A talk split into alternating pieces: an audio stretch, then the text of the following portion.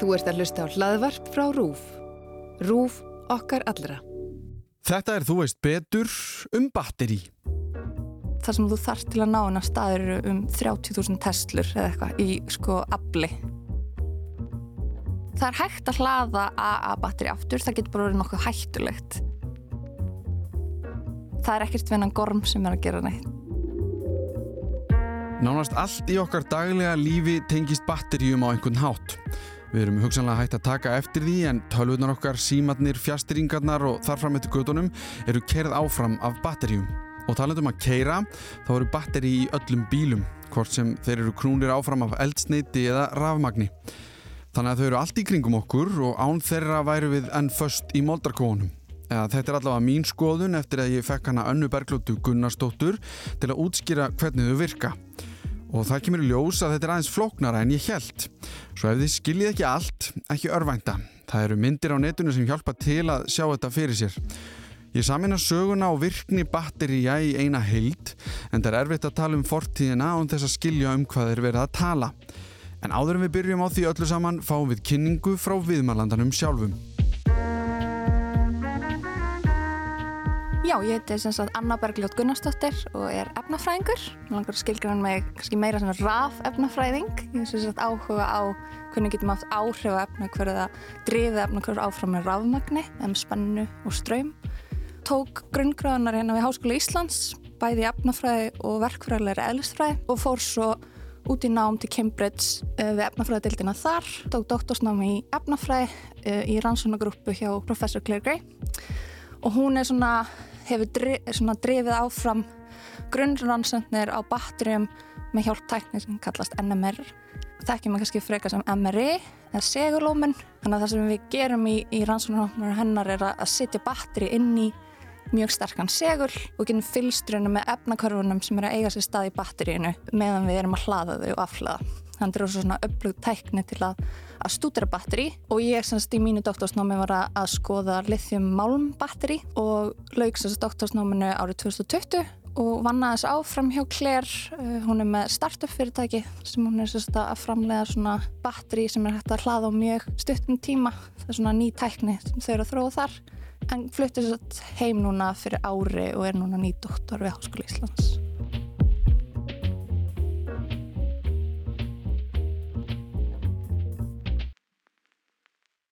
Fyrsta batterið var búið til árið, árið 1800, það sést af Alessandro Volta, ítalskur uh, rannsóknarmæður og Volta er náttúrulega spenna á ennsku er voltage og náttúrulega gildi fyrir spennu er Volta þannig að þetta allt kemur frá honum. Þannig að hann setti saman fyrsta batterið þegar hann setti bara tvær málmþinnur í raflaust, það var kopar þinna og syng þinna og þá sagt, fer syng málmurinn að leysast upp í jónir og hinn er að eiga sér stað eitthvað annað efnakvarf þar sem við erum með plúskaut og mínuskaut það er svona fyrsta, fyrsta batterið. Og oft er þetta svona batterið sem þú setur saman í efnafræðtíma í grunnskóla og kalla sítrónabatteri þar sem við stingum kopar staut og, og syngi í sítrónu og sítrónusafin er þá rafvögu sem getur flutt jónir á milli þessar tvekja skauta, plús og mínus. Þetta er alveg átjöndur eitthvað? Já Og veitum við af hverju, þetta er þá bara, ég meina, þessi náðingi var náttúrulega mjög klár, en það er bara hann er að hugsa hvernig get ég geimt rafmagn? Já, sko, það var svona svo mikil í rauninni forveitni um rafmagn. Mm -hmm. uh, rétt og undan þessu hafi verið þessar hérna aftur í Ítalju, þetta er Galvani sem var að skoða hana taugabóð hjá froskum, þar sem hann fann út að hann gæti rauninni látið frosklappir á döðum froski svona spennast, kippast til, já. Já, þannig að þá svona í rauninni, já, bara forveitni um að skilja hvernig þú getur farið með rafindir og flutt rafindir til. En hvernig er þá þróunin frá, af þetta er mun lengra heldur en ég bjóst við. Já. Hvernig heldur þetta síðan áfram? Þetta kallast galvani sella mm. og þetta er rauninni grunnurinn að batteri nútímans í rauninni, við förum eftir sömu svona lögmálum, mm. en einmitt það er í rauninni þú veist bara 60 árum síðar sem að það sem kallast blísýru batterið er fundið upp og það er sama batterið við erum að nota í rafgemar bíla eru núna mm. þessi svona batterið búin til með úr tveimur blískautum í rauninni þessar mm. elektröður þannig að já það er í rauninni varð alveg frekar svona hröð þróunan í kringum 1800 og þekki reynda ekki söguna mikið Nei, nei, nei. En, lengra en við fyrir í lithium árið 1970.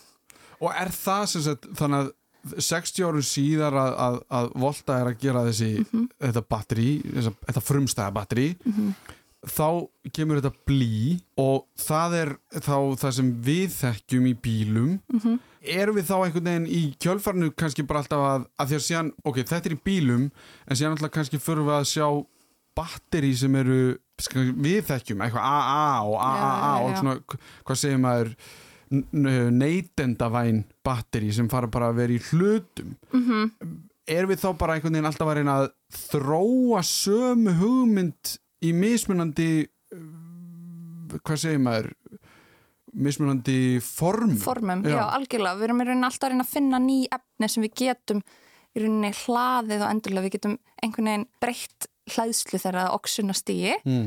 og getum gert það í tilveiki þessar AA-batteri þá er þetta einnóta batteri þannig að þú í rauninni getur bara einu sinni afhlaðið þau og svo er þau rauninni og hættulegt að fara aftur tilbaka að það geta alls konar önnur efna hver átt sér stað. Mm. en eins og í tilveiki blísýru batteri sem þá er örgulega búið að eiga sér með stað mjög mikil svona fínstilling á því hvernig það virkar svo við getum sett það núna í rákjuma á bílum.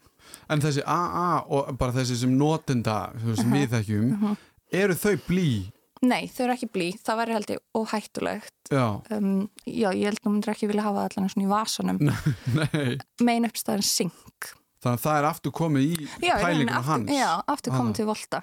En bara í bara geðveikla er, sko, er þetta svona eins og með örgjurvana þar sem að einu sinni voru þeir rosa stórir og síðan eru alltaf að ná að minka kannski, ef að segja, flatarmálið Mhm. en aflið er ennþá það sama. Já, en þá hugsaðu hvernig getum við gert það? Já, og, og það er, það er rauninni ástæðan af hverju við erum búin að leita núna í átt að lithium sem er þriðja léttasta atómið, það er númið þrjú í lótukerfinu já, það er bara vettn og helium sem er léttara svona atommassi en lithium.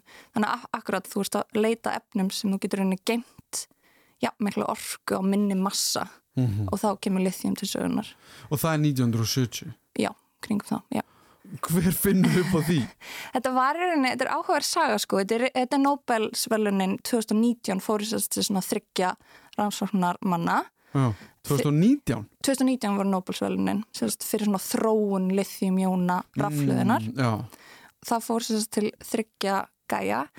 Einn er John B. Goodenough, hann var 100 ára árinu Mm. og er ennþá bara virkur í akademíinni.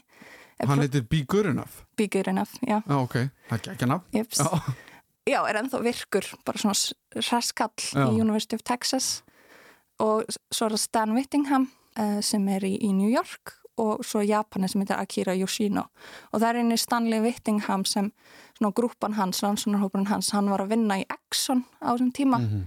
þetta er í ólíukrísunni og Exxon var ennþá með svona grunn rannsóknir á öðrum sviðum innan fyrirtækisins og hans rannsóknarhópur fekk svona frekar mikið frelsi til að, að skoða önnur svið á orku og svona orku geimslu Mhm. og í rauninni já, finnur efni sem þú getur sett lithiumjónir inn og tekið þær út án þess að verði mjög mikil svona breyting á efnastruktúrnum þegar þú gerir það. Ok, ég held skilji þig en við ætlum að fara betur í það kannski Yes. á eftir af því að sko, við erum ennþá í sögunni og ef þetta er 1970 þá er þetta frekar mikil strömmkvörf líklegast þegar þeir áttaði þau Já. átta sig á þessu Já.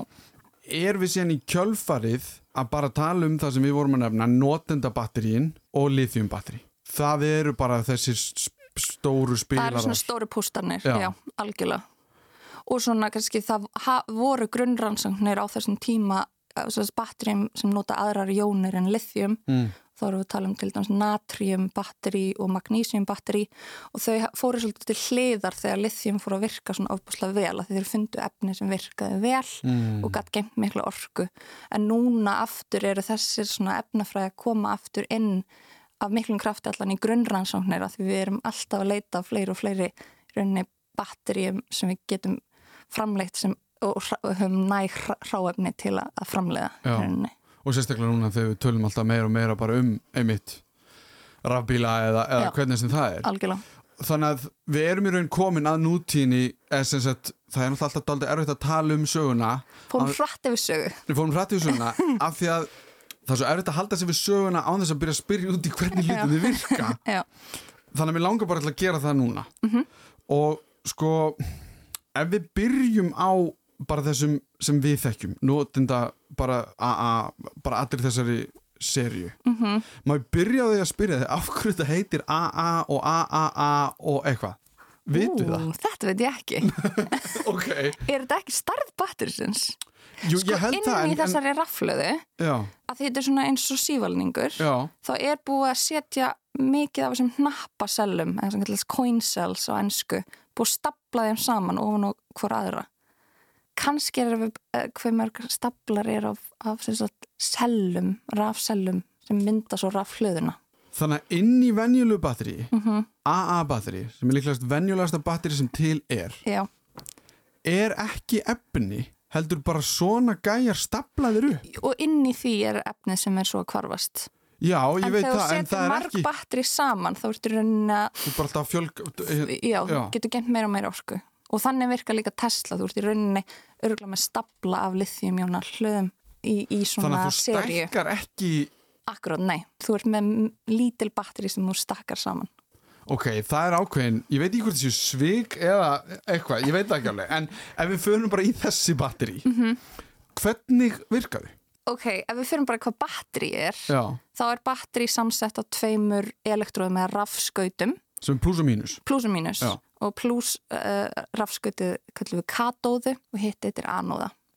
Þannig að þessi AA batteri eru sem sagt með sink öðrum megin og manganísoxíð hinum megin. Og það eru sem sagt bara efna hverfa eiga sér stað þar sem aftur sinkið er að í rauninni kvarfast uh, og gefa frá sér rafendir mm.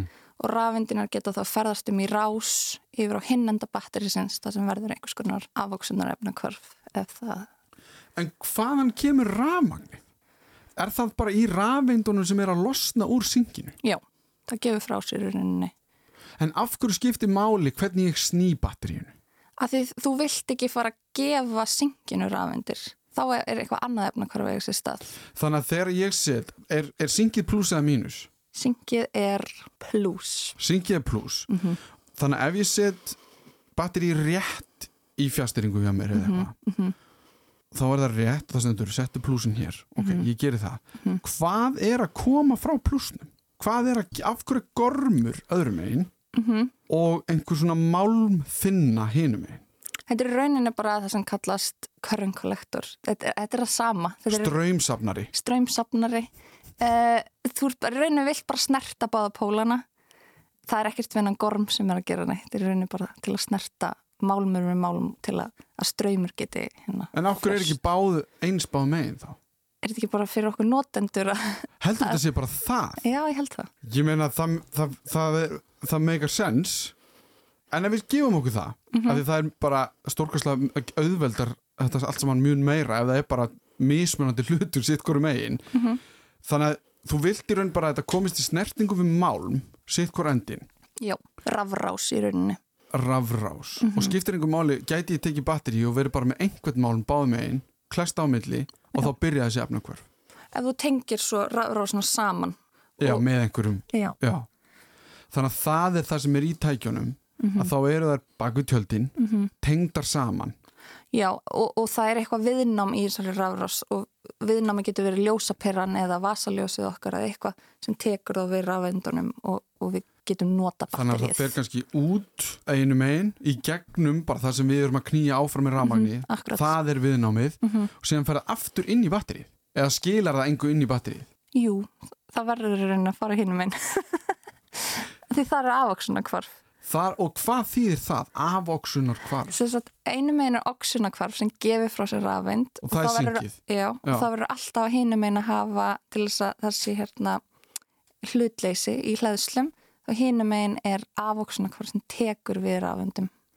þannig að rafindin hverfur ekki Nei, hún fer bara í gegn já, og fer síðan inn í þarna það sem að hún í raun bara, hún er einhvers konar dempari sem tekur á mótinni svo að það sé ekki að fara aftur í syngið eða hvað? það myndi ekki fara aftur í syngja það fer, já, það er rauninni streymir í átt að þessu hérna, neikvæð skauti það sem ásist staði eitthvað efnakvarf í þessu tilviki AA-batteri er það eitthvað mangan, oxíð Og er það bara, er, er það staðurinn þar sem að rafeindir fara til að deyja? mm, getur sagt deyja við erum í rauninni, Eða, eða hvað gerist fyrir þér? Þar eru í mangan efninu sem hefur Já, já, kvarfast það er, það er kannski, það er tínasti, að það föður ekki upp, en það er fara bara inn í þetta efni Mhm, sem getur bara tekið við þessum rafeindum. mhm. Þannig að þegar batteri er búið, að þá er það bara því að það er ekki lengur neina rafeindir eftir í synginu. já, getum sagt það held ég Af því þú sagðir á hann að þú gætir ekki hlaðið AA batteri aftur. þú getur það Svo það, það er hægt að hlaða AA batteri aftur, það getur bara verið nokkuð hættulegt. Það sem þú þarfst þá að gera er að þú þarfst að fá eitthvað synkoxíð sem myndaðist á þann og rauninni gefa því rafeind til að mynd- mynda synkmálum aftur. En það sem getur átt sér stað er að þú fer að mynda vettni inn í batteríinu og svo er gríðalegt viðnám í þessum AA-batteríum, þau eru bara ekki hönnuð fyrir akkurat þetta þannig að þau fara að hitna mjög mikið sem aftur getur leitt til meiri vettnisframleyslu þannig að endan getur batteríið sprungið. Og þess vegna gerum við þetta ekki. En þú getur gert þetta. Og ég var að lesa mig til bara um að svona ef þú vilt mjög mikið endurhlaða AA-batteríið þitt Mm. gerðu það þá í hálftími senn og lögðu það kólna inn á milli. Þá ætti það að virka. Þannig að öll batteri eru í raun endur hlaðanleg. Ég var einnig bara spurning hversu afturkræf ferlið er Og spurning hversu áhættisækinn þú er. já, Já. já. Ok, Þann, en, en munurinn á alvöru endur hlaðanlegum batteríum Mhm. sem að þú getur keft AA batteri sem eru endur hlaðanleg Mhm. er þá hver? Í rauninni að þú ert þá með eitthvað efnakvarf sem er rosalega afturkræft. Þú getur farið fram og tilbaka, farið afoksun oksun, gefið í rafeind og þegi rafeind mjög auðvöldlega án þess að breyta mjög mikið struktúrnum eða verði mikið um sér það sem kallast hliðar efnakvörf eins og vetni eins og vettnisframlisla. Og er þá er þá synk og eitthvað annað efni eða veist, er synk alltaf Flest endurhlaðanlega batteri núna eru lithium-jóna batteri. já, já, já, Þú vilt ekki mikið nota synk í svona endurhlaðanlega batterim þó þessi rannsóknir í, í, á því sviði en Já. það er erfitt. En ef við förum þá yfir í lithiumið Mhm. sem er, sko, ef við, ef við tökum þessi sem við vorum að tala um Mhm. sem getur keft út í búð út fyrir svega og við tökum bílabatterin út fyrir svega ég var reynda til að eftir að vita hvernig þau virka Absolutt. en lithium er gegnumgangandi lang algengasta batterið í Já. dag, er það ekki? Jú. Nú Í ég- þessum hreyfanlegu uh, ráftækjum sem við notum með Portable Electronics. Aftur, við erum náttúrulega með þetta blísýru batteri í næstu ykkurum einasta Bíl. bensínbíl. Já, já, já. já. Ok, þá sem gera verkum að þau eru náttúrulega gríðarlega algeng já, já. en þú veist, við erum að tala um um á okkar, síminn Algjörlega. eitthvað, Mhm. svona notenda bara einhverja vörur hvernig virka þau? Sko, e- ef við fyrir aftur í söguna, Já. ef ég mætti það, Já, eh, bara hvað sem er. þá erum við hérna með Stanley Whittingham árið 1972, sem var að fá Nobelsvölunin 2019 exactly, og hann sem sagt vann hjá Exxon, Já, ótrúlega satt á gerastundin í ólíufyrirtæki, í ólíukrísu og fann þetta, þetta katóðu efni, þess að positífa efnið, mm sem getur, sem myndar þess kristallstruktúr, þetta er svona lagskiptur kristallstruktúr, mm. Við getum kannski bara að hugsa um íslensku lagkökuna eða randalínuna Mm og þar sem þú getur haft svona lithiumjónir inn á milli þá er það á hvíta kremið og svo getur bara mjög auðveld að tekið lithiumjóninar út og inn úr efninu án þess að reyna lagkakan falli saman. Hvað er þá brúna? Hvað er kakan? Það er titandísulfíð, Sem er bara einhver málmur Já. Já, er hennar málmefni, já, já, e, já. algjörlega. Ég reyna einföld allt fyrir Já. Mig sko. já. Þannig að það er einhvers konar málmefni eða eitthvað Yes. og þú hleður þessum lithium jónum Mhm. þarna á milli þannig að það er ekki tilneitt ég held að lithium væri Á hinum endanum, þetta er, þetta er plúskautið, neikvæðskautið hann bjóða til úr hreinum lithium málmi ok, já, já, það var svona það sem já, Mhm. einmitt og lithium málmur er skemmtilegt að vinna með en líka mjög erfitt. Í rauninni svona styrkleiki lithium er hversu kvargjant þetta efni er. Mm þess að það vill mjög mikið gefa frá sér rafind lithium líður betur sem lithium plus heldur en lithium með þessa rafind Mhm. þannig að ef þú gefur rafind sem er mínus þá verður lithium plus. Mhm.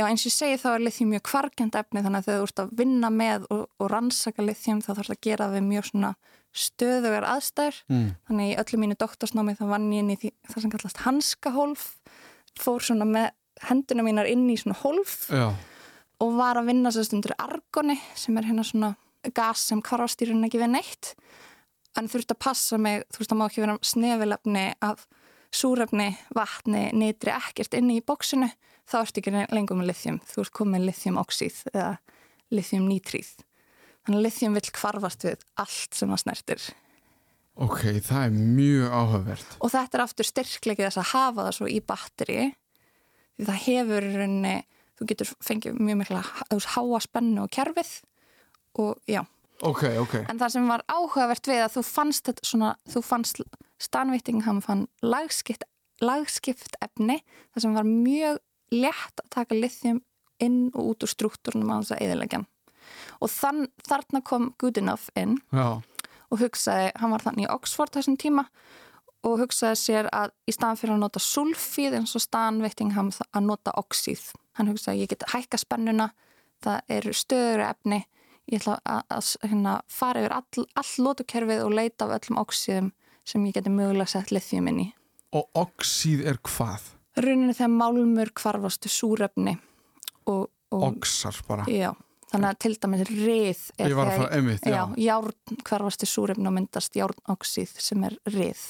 Ok, þannig að, hann fór inn í lótukerfið og fann, hvað sagður, málm sem að, rauninni svona fór svona systematíst ekki gegnum lótukerfi og leitaði uppi kristalstruktúra af oxíum þar sem þú gætir mögulega sett lithium inn, tekið lithium út úr struktúr og sett inn auðvöldlega. Og þá, hans rannsóknarhópur fann þetta efni lithium kobalt oxí sem er núna undirstaðan og notað ennþá í, í farsímanum okkar. Og það er svipað efni og þetta títan dísulfi að það er aftur svona lagskipt. Og það verða litlar breytingar á efninu þegar þú tekur lithium út úr því setur inn, en hann náði að tvöfalda spennun og var komin upp í fjögra volta batteri meðan staðan var með fyrsta lithium en að jónabatteri var 2 volt sem er ekki mikið. Nei. Reynda svi- svipa á blísýru batterið held ég. En já, það er ekki mikið spenna. Sko, ef við setjum það í samengi við eitthvað sem við þekkjum eins og í símanum okkar og eitthvað. Símin okkar er örgulega í kringu svona 3,6 volt myndi ég halda. Já. Mhm. Ok, þannig að hann er komin í fjöguvólt sem er orðið neytenda Já. vara í raun. Og þannig að reyndi fólk að koma svo marka það var ótrúlega mikið spenna og æsingur í kringum Spenna, einmitt. þetta. Uh, akkurat. uh, en það sem var vandamálið núna er að anóðan fór Nennir aftur að segja mér anóðan Mhm. og katóða. katóða. Ég get tala um positíft og negatíft. Negatífa. Nei, talaðu frekar um kanóna. Katóða Já, er negatíft. Positíft. Það er pluss. Mm Og anóna, anóða er mínus. Já. Anóða og katóða. Já. Ok, ok, ok, ég hlýta að muna þetta. Katóða er pluss, anóða er mínus. Ok, Ok, þannig, en- þannig í kringum 1978 því þú urði þessi strömmkvörf í katóðunni, sérst við fundum positífa, positíft rafskaut sem virkaði mjög vel að við getum tekið lithium inn og út. ok, En hinum einn, mínusinn, anóðan, þá voru eiga sér stað vond efnakvörf, efnakvörf sem við vildum ekki. Af því að aftur að því að lithium er svo ofbúslega kvargjant efni. var lagkakan eða batterið, Mhm. var það skipt í helming? Það, við erum alltaf með þetta, þennan pluss og mínus Og er, er, er, er skil þar á milli á milli, já afsaki, ég fór ekki kennum það, á milli rafvökvi sem flytur jónir. Þannig að það er eins og Bufferson. Já, það er svona vökvi og eina hlutverk hans er að jónir fá flæða á milli Mhm. pluss og mínus. Ef pluss og mínus myndi snertast þá er þetta skamhlaup og mikil orka myndi losna.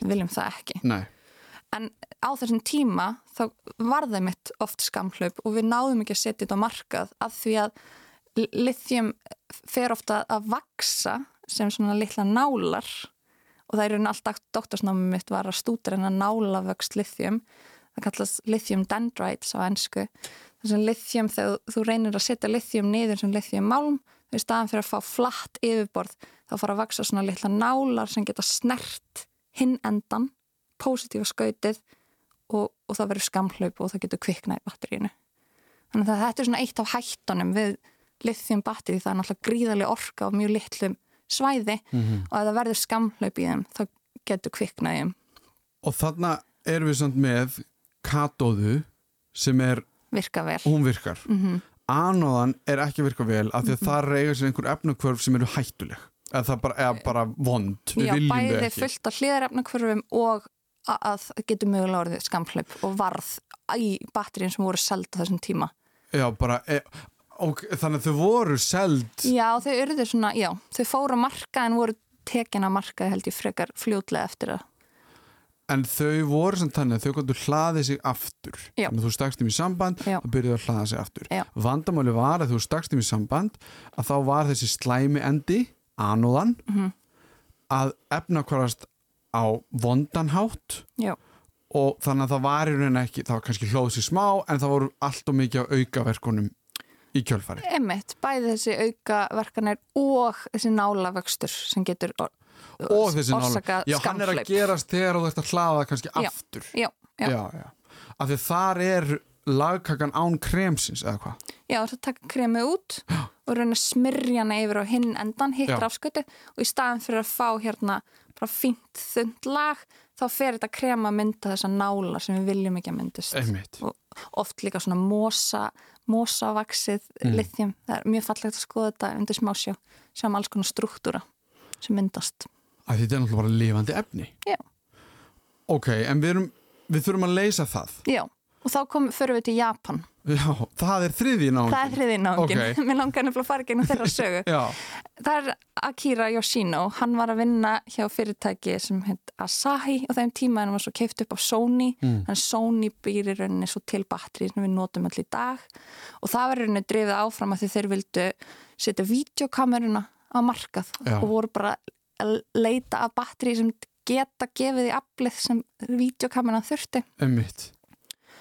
og Akira Yoshino í rauninni tók bara sko bara kólamóla bara sót, bara kólefni svart Já, og hugsaði já, það er líka lagskipt efni og prófaði þess að sagt og það hafði nú verið einhverja rannsóknir hann á undan en prófaði að setja það saman við lithium kobalt oxíð og það virkaði þannig að nú erum við komið tvær lagkökur báðum megin. Mm við erum með lithium kobalt oxíð og svo kólefni hinum megin. Og lithiumjónir ferðast á milli lagana á þessum, báðum þessum efnum. Þannig að þegar við hlöðum það þá fórum við lithium inn í kólefnið og þegar við notum svo batteri þá fórum lithium aftur inn á milli lagana á kobaltoxíðinu. og, og þetta er bara lausnin. Já, þetta er í rauninni það sem í rauninni, þetta er byltingin Já, einmitt. og þetta kallast hérna ruggustóllin, þetta er rocking chair battery, þeir eru rauninni svona Og kól þá bara er svo stabílt efni eða eitthvað, eða þú veist það bara var fullkomið í þetta. akkurat bæði stabílt en líka með þessa lagskiptingu sem mm. lefði lithium að fara inn á milli lagana. Já, sem er bara frá náttúrulega hendi. Já, Já, einmitt. Mhm. Og ef við erum með þá lithiumbatteri, já, ég kveiki á símanum mínum og þá náttúrulega byrja batteri strax að knýjan áfram. mm Þá eru þessar jónir að fara út úr lagkökunni í lithiumoxíðinu. Þegar þú ert að nota batteri þá er það að fara út úr grafítinu. Þetta kallast grafít, en þetta er sót. Þá er það að fara út úr kólinu. Já, þannig Já. að þegar þú hleður svo batteri þá er það að fara inn í kólefni. En hvað gerir lithiumið þá? Lithiumi ferðast á milli.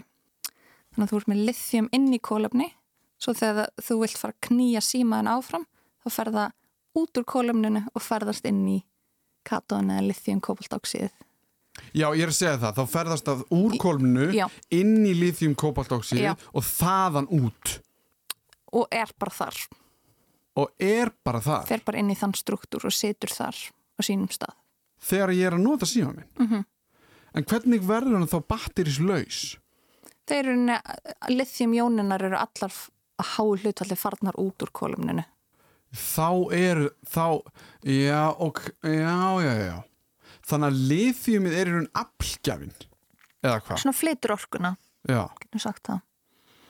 og síðan því hleðan aftur, Mm stingur hann í samband, að þá færist það úr lithiuminu, Lithium, kobaltoxínu já, í kólefnið. þannig að það er bara alltaf að flakka þarna á milli, Já, þess þarna vegna er þetta já.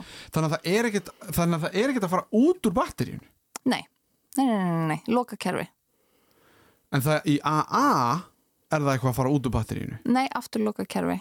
Við bara, við fáum ekki svona röggustóla effekt. Við getum ekki rauninni farið úr, við förum frá syngi í syngoxið, en svo getum við ekki að fara aftur tilbaka í syngið. Það er óverfitt. Er ég að hugsa þetta bara einhvern veginn í því að rafeindirnar séu orkugjafin? Er, er það bara eitthvað ruggli mér? Í raun verður þetta bara spenna sem myndast. Það er rafmagnið. Rafendunar eru náttúrulega ströymurinn sem við svo notum, Já. en vinnan er framkvæmd af þessum rafskautum, þar sem við myndum eða notum rafendunar. Og þær fá svo flæða í rafrásinni og jú, vinna fyrir okkur í rauninni, já. Þannig að þeir fara út úr. Rafendunar, Já. já, inn í rafrásina og svo aftur tilbaka. Þú verður alltaf að Og svo aftur loka tilbaka í rafrás. batterið. Já, Þannig að það kemur eitthvað inn í batterið aftur. já, En lithiumjónunar eru alltaf innan. já, En, en þannig að rafeindirnar myndast í skautunum já. og síðan ferðast Mm og, og verða bara veist- Vinna fyrir okkur en ströymurinn vinnur fyrir okkur en svo, já, fara þær á hinn enda batterisins og hvað gerist þá? og, og þar verður annarkvort, það verður að eitthvað efna hvarf. eitthvað efnakvar sem er bara hva, hvað, hvað er það? Uh, þannig að ef við, Eða, veist, hverfur raf, rafinn? Eða, veist, ég skil ekki hvað verður um Nei, hún, já, ok, afsakið. Svo ef við horfum á lithium málminn þá myndur við vera með rafeind hitti lithium jón. Þær fara saman og mynda lithium málm sem er hlutlaust lithium, ekki með pluss. Þannig að, jú, rafeindin er rauninni kvarfast við jón Hvar gerist það? á neikvæða skautinu. Af því að þar er bara lithium jón. Já, þú er með lithium pluss og þú vilt fá það sem lithium rauninni 0 eða hlutlaust lithium. Og er það bara eitthvað sem er bara á batteríinu? Eða skilur mig, ef ég velti fyrir mér að batteríið er bara einhver svona, eins og Prince Polo. Mm Mhm. ok, ég veit ekki okkur ég er líka svo eitthvað, við þekkjum öll lithium batteri, en þú veist, eða bara sími minn eða eitthvað. Já. Og batterið tekur eiginlega allan síman einhvern veginn í dag Mhm. og öðru megin er lithiumoxíð. Já. Og það er eins og lagkaka og inn í því eru lithiumjón, eða lithiumjónir. Mm Lithium málmáks. Lith, lithiummálmoxíð. Já. Já, og inn í því eru lithium jónir, já. Já, það er hvíta kremið. Mm Sem kemur hérna Rafvökvi rafvögvi á milli þess og, og, neikvæða. og neikvæð sem er bara kól Mm lagkaka. -hmm. Og það er slögt á símanum mínum Mhm. og sem kveiki ég á. Já. Og hann er búin að vera í hlæðslu kannski í nóttina, segjum það bara. Þannig að það er full hlaðið batterið. Sem þýr þá að kólefni er fullt af lithium jónum. Kólefnið er fullt af lithiumjónum, Mm Eða ok, við setjum ekki lithium jónir, lithium. lithium. Já. Kólefnið er fullt af lithium. Já, en svo þú fer að nota batterið, þá fer lithium út og verður lithium jón sem ferðast yfir á hinnendan og kvarfast og verður lithium kóbaltoxíð. Þannig að, ok, það er fullt af lithium Mm Þetta er mun flóknar heldur en ég held En ég held því að komast náttúrulega Það er fullt af lithium Ég kveiki á símanum mínum Og þá fer lithiumið strax yfir þennan vegg mm inn í hennan vögva. Já. Er það ekki? Jú. og, og í þessum vögva þá hittir það fyrir síðan Positífu katóðuna, ja, positífu katóðina Mhm. sem er lithium kobaltoxíð Mm -hmm. Þar verður það að lithium jónum Nei Nei, ok, ég skal segja. Ok, Ok, við erum sem sagt með fullaði batteri já og þá erum við með neikvæðu anón þetta kólefni Mhm. fullt af lithiumjónum. mm. Fyrir að nota Fullt af lithium Já, fullt af lithium, takk. og þegar við fyrir að nota batterið, þá í rauninni fáum við lithiumjón út og rafind út til að knýja núna símaðinn Og þetta er að fara út úr katóðinni út úr annaðinni, já. Út úr anóðinni já, lithiumjón, Er það mínus? já, Fer það út úr mínusnum? Þegar þú notar batterið. Þetta er rauninni aftur ruggustóla effektið. Þannig að, ok, byrjum við Ég er að rugglast aftur Er ekki katóðan lithium og kobaltoxíð? Mm Þannig að það er plús -hmm. Þannig að það er ekkert að fara yfir þennan vöku þegar ég kveikju símanum mínum Það fer bara beint út úr kólinu Í rauninni það sem er að gerast er að lithium er að fara út úr kólefni og hinum megin er lithium að fara inn í kóbaltoxíð. þetta er að gera stila samstundis og sam, samtímis En hvaðan er lithiumið að fara inn í kobaltóksið? innan frá rafvögva það er rauninni eiga sérsta efnakvarf á skilunum milli rafskautsins kataðunar og, rafvögvans sem er í snertingu við. En hvað er þá að fara út úr kólinu? aftur bara lithiumjónir sem fara úr kól lithium sem fer og verður lithiumjón í rafvögunum Þannig að það er rafend að fara út úr kólinu en lithium inn? Inn í raf, rafvögun, já og er bara svamla þar. mm Og rafendin sem knýr síman minn áfram, -hmm. hún fer skjáinn, eitthvað, bla, eitthvað við nám, Já. fer síðan aftur inn í batterið Já. og geimist bara þar já, í efninu sjálfu sem tekur við rafendinni sem tekur við rafendinni mm og verður rafendin þá aftur að einhverju í rauninni er hún bara geimd í einhverju efna tengi inn í lithium lag, oxíð Mhm. lagkökunni. mm -hmm. Þannig að þegar þú hleður hann þá er það að gera hvað? þá aftur er ég að geima rafend í einhverju tengi og í þessu tilviki er ég að geima það sem lithium kólefni þá erum við að hlaða að hlaða aftur. mm -hmm. Það sem ég, það sem ég er að rugglast á held ég er að ég skil ekki alveg hvað lithium oxíð lagkakan er að gera. Ég held ég að við skilja það áðan en kannski skildi ég það aldrei. Veistu hvað við? Af því að fyrir mér lítur þetta út eins og kólalagkakan sé að gera allt. hún er rauninni, já, þegar hleðu batteri er hún að gera allt Já. en svo þegar þú vilt nota símaðinn og þá þarf kólefni, lithium kólefni að gefa frá sér lithium og rafeind, þá þarf það að hafa eitthvað efni sem tekur við rafeindinni, Aftur, á aftur endanum. á en, hinum endanum Af hverju má það ekki bara vera kól alla leið? Að þá erum við með sömu spennu báðum megin. Þá væri engin drifkraftur fyrir neitt. Mm. það spennu munur á efnunum. Þannig að rafeindin Það- þýtur í átt að hinnu. Af því að hún vill gera það. já, Af því að því sem þú varst að segja áðan með lithiumið sem er, já, það vill. svona, já, það er svona það sem kalla sjálfgengt efnakvarfi í rauninni. Þannig að þegar við stingum í samband að þá erum við í raun að nota það kannski sem einhvern kvata til þess að þrýsta bara á þessi efnakvörf, til þess að hlaða kól, kólefnið aftur. Já, e, já, ég vil ekki endilega nota orðið kvata en við erum að nota það, þú veist, við erum að pumpa í rauninni rafendum núna frá plúsinu, aftur yfir í mínusin með rauninni í gegnum rafrásina Mm -hmm. og já, myndum þetta lithium kólefni, Og þannig bara hlæðist batterið. þannig hlæðst batterið. Ok. Þannig að þetta er batterið Mm sem var hérna fundið upp árið 91, sama ára og ég er fætt og af. Sony Já, þannig að þá er þessi lausn komin. Já. Já. og þetta er bara byltingin. Mm Og þetta er það sem við þekkjum enn þann dag í dag. Í rauninni, þetta er allan á uppistaðan að því. Já. Þannig að ég held að í iPhone-um sé ennþá lithium kobaltoxid Mm megin uppstæðan en svo erum við komin í þessi bílabatteri sem er að nota lík efni en við erum í rauninni alltaf verið að gera við aðeins umhverfisvæfni með að setja meira nikkel inn og taka kóbalt út -hmm. og mangan inn og taka kóbalt út Þannig að við erum í Svona raun- þróunin Já, það er bara við erum að fínpúsa Já. hugmyndina. Já. Ok, þetta eru lithium, en það eru í raun önnur batteri sem eru líka gríðarlega algeng Mhm. eins og kemur í ljós og það eru bíla, mm rafgeimar í bílum Mhm. og það er einhvern veginn öðruvísi framkvæmt. Þá erum við með þetta blísýru batteri Mm -hmm. sem er aftur endurhlaðanlega batteri og í rauninu virka nokkuð vel. Við erum með tvö blískaut, sem er bæði pluss og mínus og það er bara mismundi efnakólu að eiga sér staða þeim. Mm -hmm.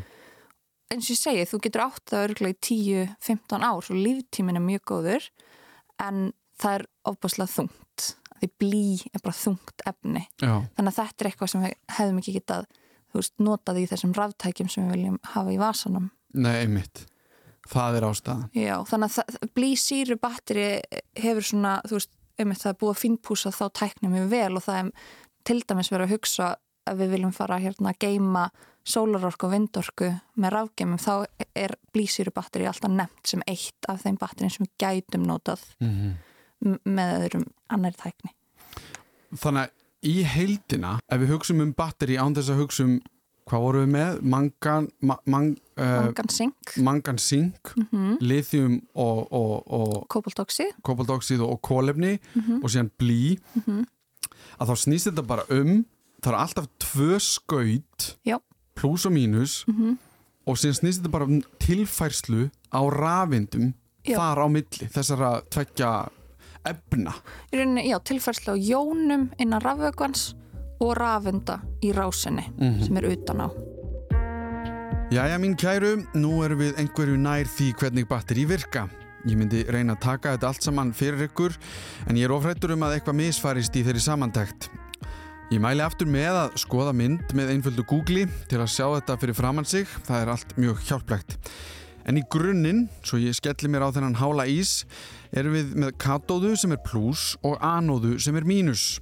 Hvað er sitt hverju megin við rafvökven sem skilur þessa tvo hluti í sundur er svo mismunandi. En til dæmis í lithiumbatterjum eru það kólefni og lithium-kobalt-oxíð. Þegar við setjum bensín eða díselbíl í gang eru það svo blíbatteri sem koma ferlinn á stað. En það er gott að muna eftir ruggustólnum sem Anna nefndi, þá sér maður betur fyrir sér hvernig flæðið er. En það er ekki nóg að útskýra batteri, maður þarf líka að velta fyrir sér framtíðinni. Eru lithiumbatteri endastöðin eða erum við að prófa okkur áfram með eitthvað annað og betra?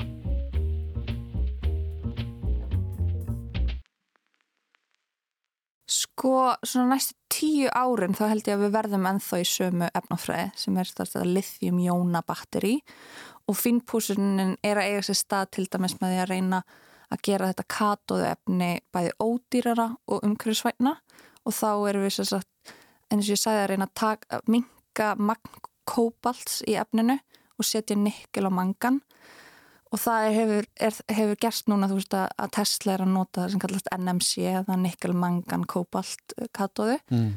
En það er aftur, þú veist, hráefna í rauninni frambóðskeðjan er þá undir mjög miklu álægi bara hjá nikkel. Þú veist, nú er ekki nóg mikið nikkel í heiminum. Mm -hmm. eða það, það er verið að leita meiri svona námugröftri á því. Þannig að, já, framþróunin í sagt, bílabatteríunum næstu árin verður lithium. Og það er allir að segja það.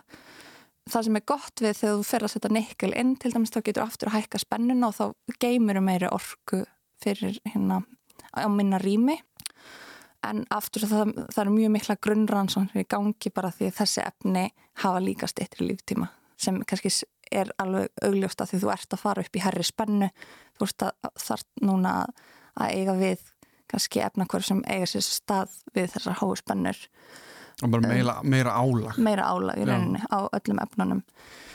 Þegar við tölum um flugvilar þá held ég að við þurfum að horfa á svolítið önnur efni, allavega ekki þessar, þar sem kallast svona intercalation cathodes, þar sem þú setur eh, lithium að milli einhvers konar lag, lagköku.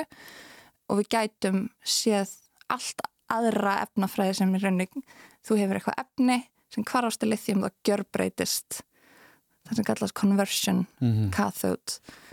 Og það, það er svona möguleikar þar á að, að geima meiri orku og minna, minna rými eða minna massa en aftur það er miklu erfið að ná einhverju svona fullkomlega afturkræfu þegar þú ert að breyta efni gjörsamlega Já. úr einu í annað fram og tilbaka þannig að þetta er svona veist það sem myndi get, kannski geta gerst eftir 10-15 ár þannig ég veit ekki þú veist með einmitt, ef við erum að tala um einhverja Bo- Boeing þóttu þá held ég að hún sé veist það sem þú þarf til að ná hennar staður eru um 30.000 testlur eða eitthvað í sko afli Já, einmitt. Þannig að við erum mjög langt frá því núna. Uh, þú getur kannski hort á einhvers konar hybrid version. En það er oft held ég líka bara verið að horfa til þess að við munum nota raf eldsneiti meira. Að fara að búa til metanól eða ammoniak eða vettni með rafamagni sem við myndum svo setja á, á flugvilar það er svona spurningin hvað hva mun vinna í rauninni? Já, og það er bara, það er umræða núna. Já, sérstaklega allan á skipaflótunum. Ég veit ekki hvort við myndum, við myndum ekki vilja hafa vettni upp í hálóftunum Mm -hmm. en það er verið að tala um vettni á skip en það er líka verið að tala um metanól og skip og það er svona og ammoniak þannig að það er verið spur- spurning svona hvaða raf eldsneiti mun vinna á þeim markaði en batteri eru svona nokkuð þung fyrir þennan yðnað myndi ég halda. En ef við erum að tala um svona framtíð sín á í batterjum þá er, eru mikið grunnrannsókn núna sem snúa bæða natriumbatterjum og magnesiumbatterjum og jáfnvel kalsíum. Þetta eru þessi málmannir sem eru fyrir neðan lithium í lótukerfinu.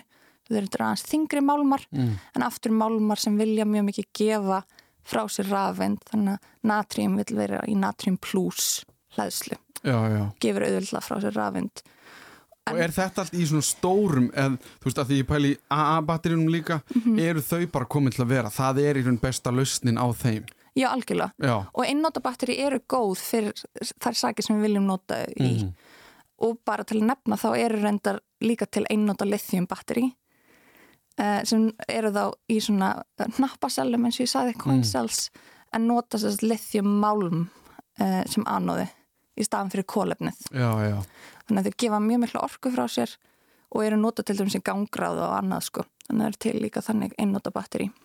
En þessi natrium batteri, það er svona mjög, mjög áhugavert að því það er mikið sambarilegt milli lithium og natrium en samt það sem var að ströggla við að við erum komið með stærra atóm í rauninni mm og þá er rauninni erfiðara að, set, að setja það inn í efni, að stöffa það Mhm. natrium inn í efni og það getur, það er svona auðvitað svona gefið frá uh, self-discharge svona gefið frá sér hlæðslu, missir hlæðslu stittir líftími og alls konar svona vandamál sem við erum að reyna að leysa sem við leystum fyrir 15 árum fyrir lithium jóna batteri Já, já, við höfum ekki skoðað natrium batteri fyrir núna þegar það verið að tala til dæmis um að það sé ekki nóg mikið lithium á markaðanum það er ekki, erum ekki að framleiða hérna, grafu nóg mikið lithium til að anna eftirspurn, þá er núna fólk aftur farið að huga að eigu að skoða natrium sem er náttúrulega sjórin okkar er fullur af natriumklórið eða matasalti, já þannig að nóg af nóg natriumininn í kringum okkur. Og þá tölum þá aðeins um framleyslu keðjuna eða, eða það, af því að þetta eru allavega þegar við vorum að tala um lithium takmarkaðar auðlindir. Hva, hvernig horfir það við okkur? Ef við tökum, þú veist, þessar pælingar með natrium og það út fyrir sviga menn við getum þá ekkert framleitt lithium rafluður að eilifu Sko það sem sérfræðingar segja er að það er, það er nóga lithium í heiminum en við þurfum, við erum ekki að anna eftirspurn, það hefur ekki rauninni, við erum kannski tíu ára eftir tíma að byrja að grafa upp og náma í rauninni lithium mm. að þeim krafti sem við þurfum núna Einmitt, en það sem lithium er núna helst unnið er í, í Chile og Bolífi og Argentínu þar sem er rauninni bara salt vatni er dælt upp á yfirborðið úr jarlögum og þetta vatn er þá mjög ríkt af lithium jónum og þetta kallast bara lithium saltvatn og þeir nota í rauninni bara sólarorkuna, sólarljósi til að láta vatnið gufa upp og þú endar með svona leðju af lithium söltum sem þú reynar svona einangrar og, og úr því verður til lithium sem við notum í batteri Já. Já, einmitt.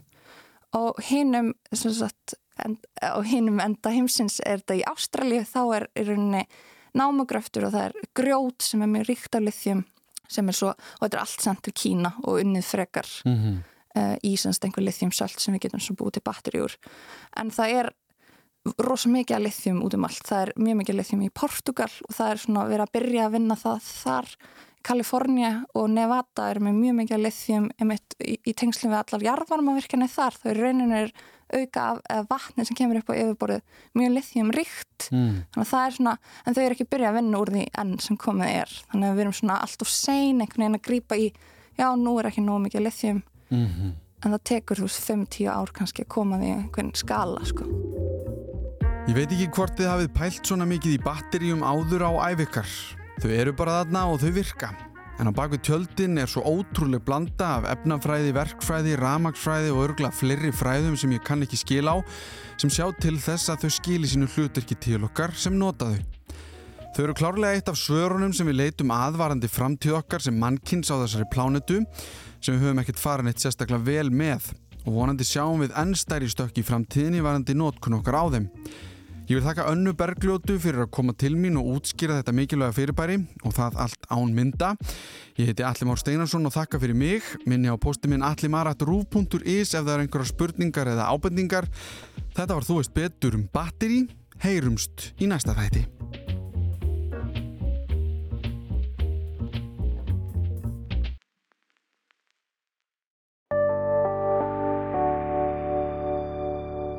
Rúf okkar allra.